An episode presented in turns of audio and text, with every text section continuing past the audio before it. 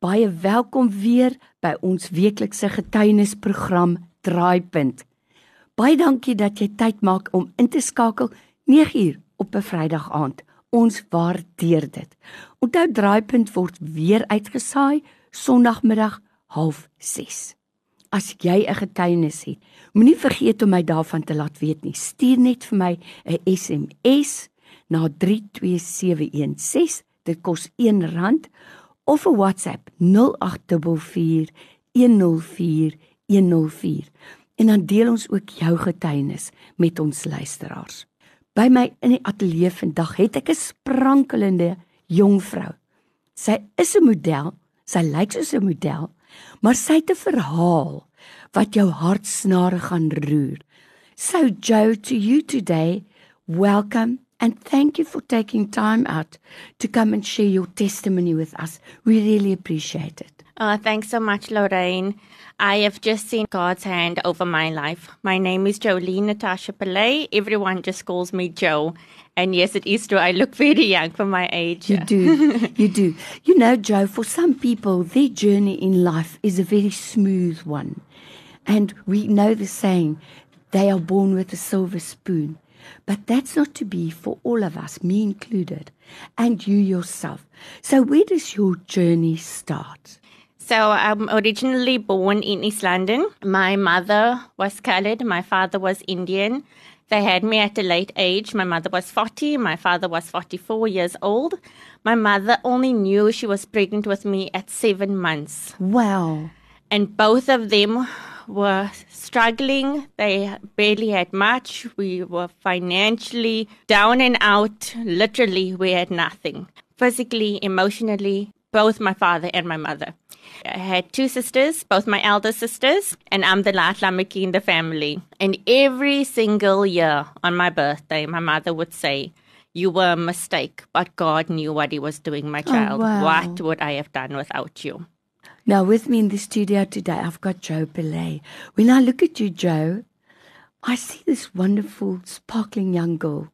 Beautiful, really. And I can understand if you have a surprise baby at age 40, it must be quite a shock.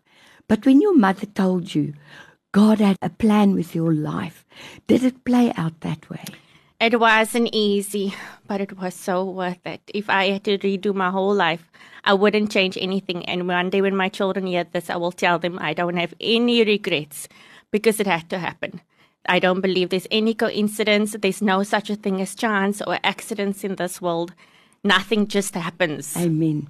And so my mother raised me along with my father and my elder sister asked my mother and my father who's going to look after the baby because she was 18 years old at the time.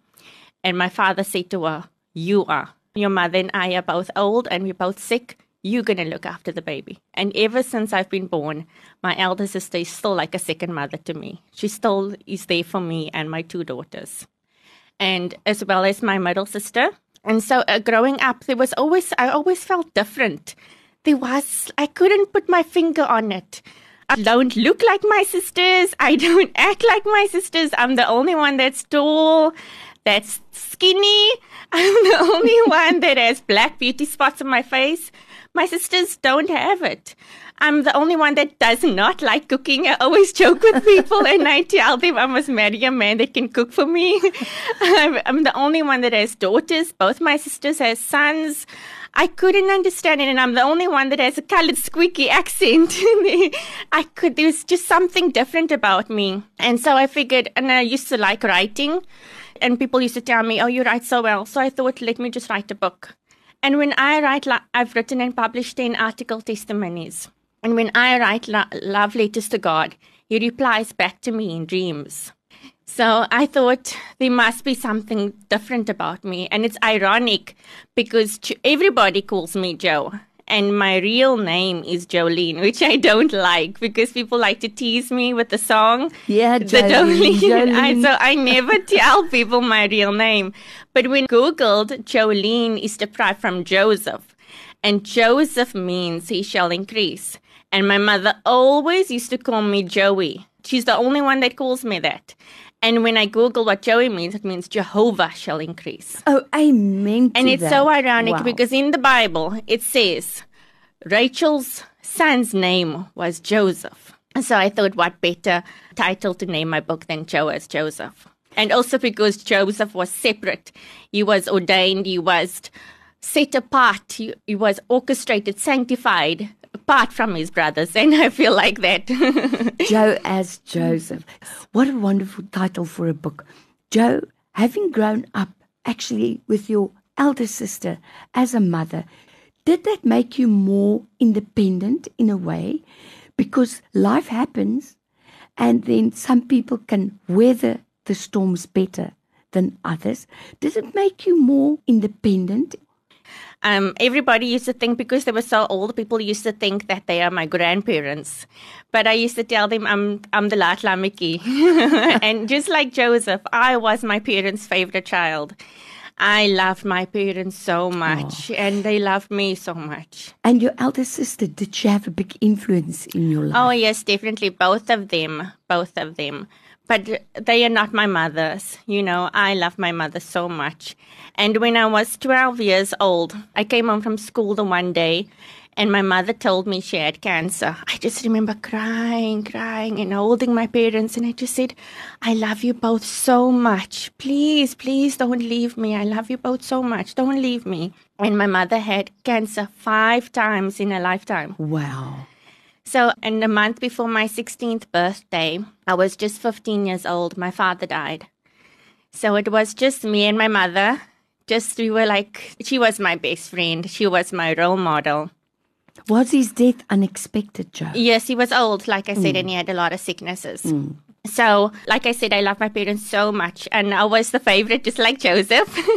so, I spoke at both my parents' funerals. I was only 15 years old when my father died. Losing my father was bad. It took me a long time to get over it, mm. and but losing my mother, it was a thousand times worse. How old were you when your mother died? Two years ago, Oh, wow. I was 30 years old, just like Joseph, 30 years old when he began the new chapter in his life. At the time, I just remember crying, you know, it was just so heartful for me because I divorced my ex husband four months after the death of my mother. Wow. I was unemployed and a single mother With two daughters. with two small children. Wow. And God just turned my whole life around. I remember on my mother's deathbed, I just screamed, Lorraine, I screamed. And I said, please give me a sign, give me something to show me that you're always going to be with me. And even though we, we cannot talk to the deceased, but both my daughters can see my mother. Both my daughters, they can see angels and I experience visitations from the spiritual realm. Now, Joe, being without your mother and your father with two little girls, a lot of women will buckle under that load. And you said that's where your new chapter began. Tell us about your new chapter, and then let's speak about the book that you're writing. Ah. So um, I just recently wrote and published a book. It's called Joe as Joseph, as I mentioned. And God has also blessed me with a permanent job where people appreciate me. And I'm also a model. And God has blessed me and both my daughters with modeling contracts. That's indefinite. Oh, wow. And um, I've just recently wrote the book, Joe as Joseph. And also, God has given me a partial bursary to complete my bachelor degree in theology in my calling of ministry. How awesome is that?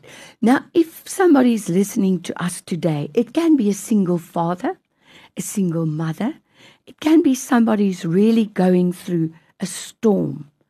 You've weathered that storm with the help of God. So, what advice do you have for someone like that? I know some things are out of our control, but it's also because of you. We all have a free will choice. And the enemy had me trapped. He had me hook, line, and sinker. But as soon as I became faithful, obedient, and submissive to the will of God, I have seen his hand upon my life. So I'm asking anybody, anybody who's listening to the sound of my voice, I'm going to tell you what my mother always used to tell me. I can quote scripture, but nothing's going to compare it to my mother's words. I wish you Jesus, for if you have Jesus, you have everything. And I- all the struggling and suffering cannot even compare to the glory that will one day be revealed. And God gets the glory out of my story. It's nothing, nothing of me. You know, Joe, there's no better way to end the story than to say, I wish you Jesus. Now, someone says, but where can I meet this Jesus? You start at your local church. Contact a pastor or a friend or you know a spiritual leader, a family friend. Try to get connected. I can also, um, if I would like to also acknowledge my church, the Supernatural Church of Jesus Christ.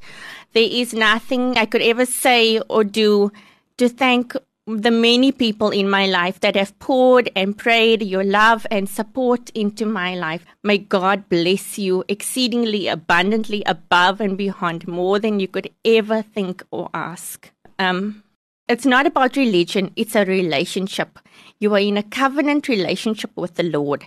So start at John, read your Bible, start at John, put your name in there. For God so loved Lorraine, for God so loved Joe, that he gave his only son, that we may not perish or suffer, but that we may have everlasting life. My children, Ava and Gia, my sisters, Judy and Valley, Prophetess Joylene, Prophetess Ladis, Apostle Adrian, Pastor Enver, Pastor Lee, Pastor Nanda, Willem, Anusha, Bianca, all my mother's friends, all my mother's family. I just want to say thank you and God bless you. Amen. Joe, thank you so much for coming into the studio today. Can't wait to see your book when it's published, and we'll speak about that again. So thank you for that. God bless you richly. If there's somebody who wants to speak to you or ask you to pray for them, if you're willing to do that, will you give contact details? Yes, of course. My email address is jochopillay17 at gmail.com. Or if you need prayer, my cell phone number is 0744 824 105. Or you can invite me or contact me on Facebook. My profile name is Joey Natasha Pillay. For your time today, thank you, Joe. Thank you, Lorraine. God bless.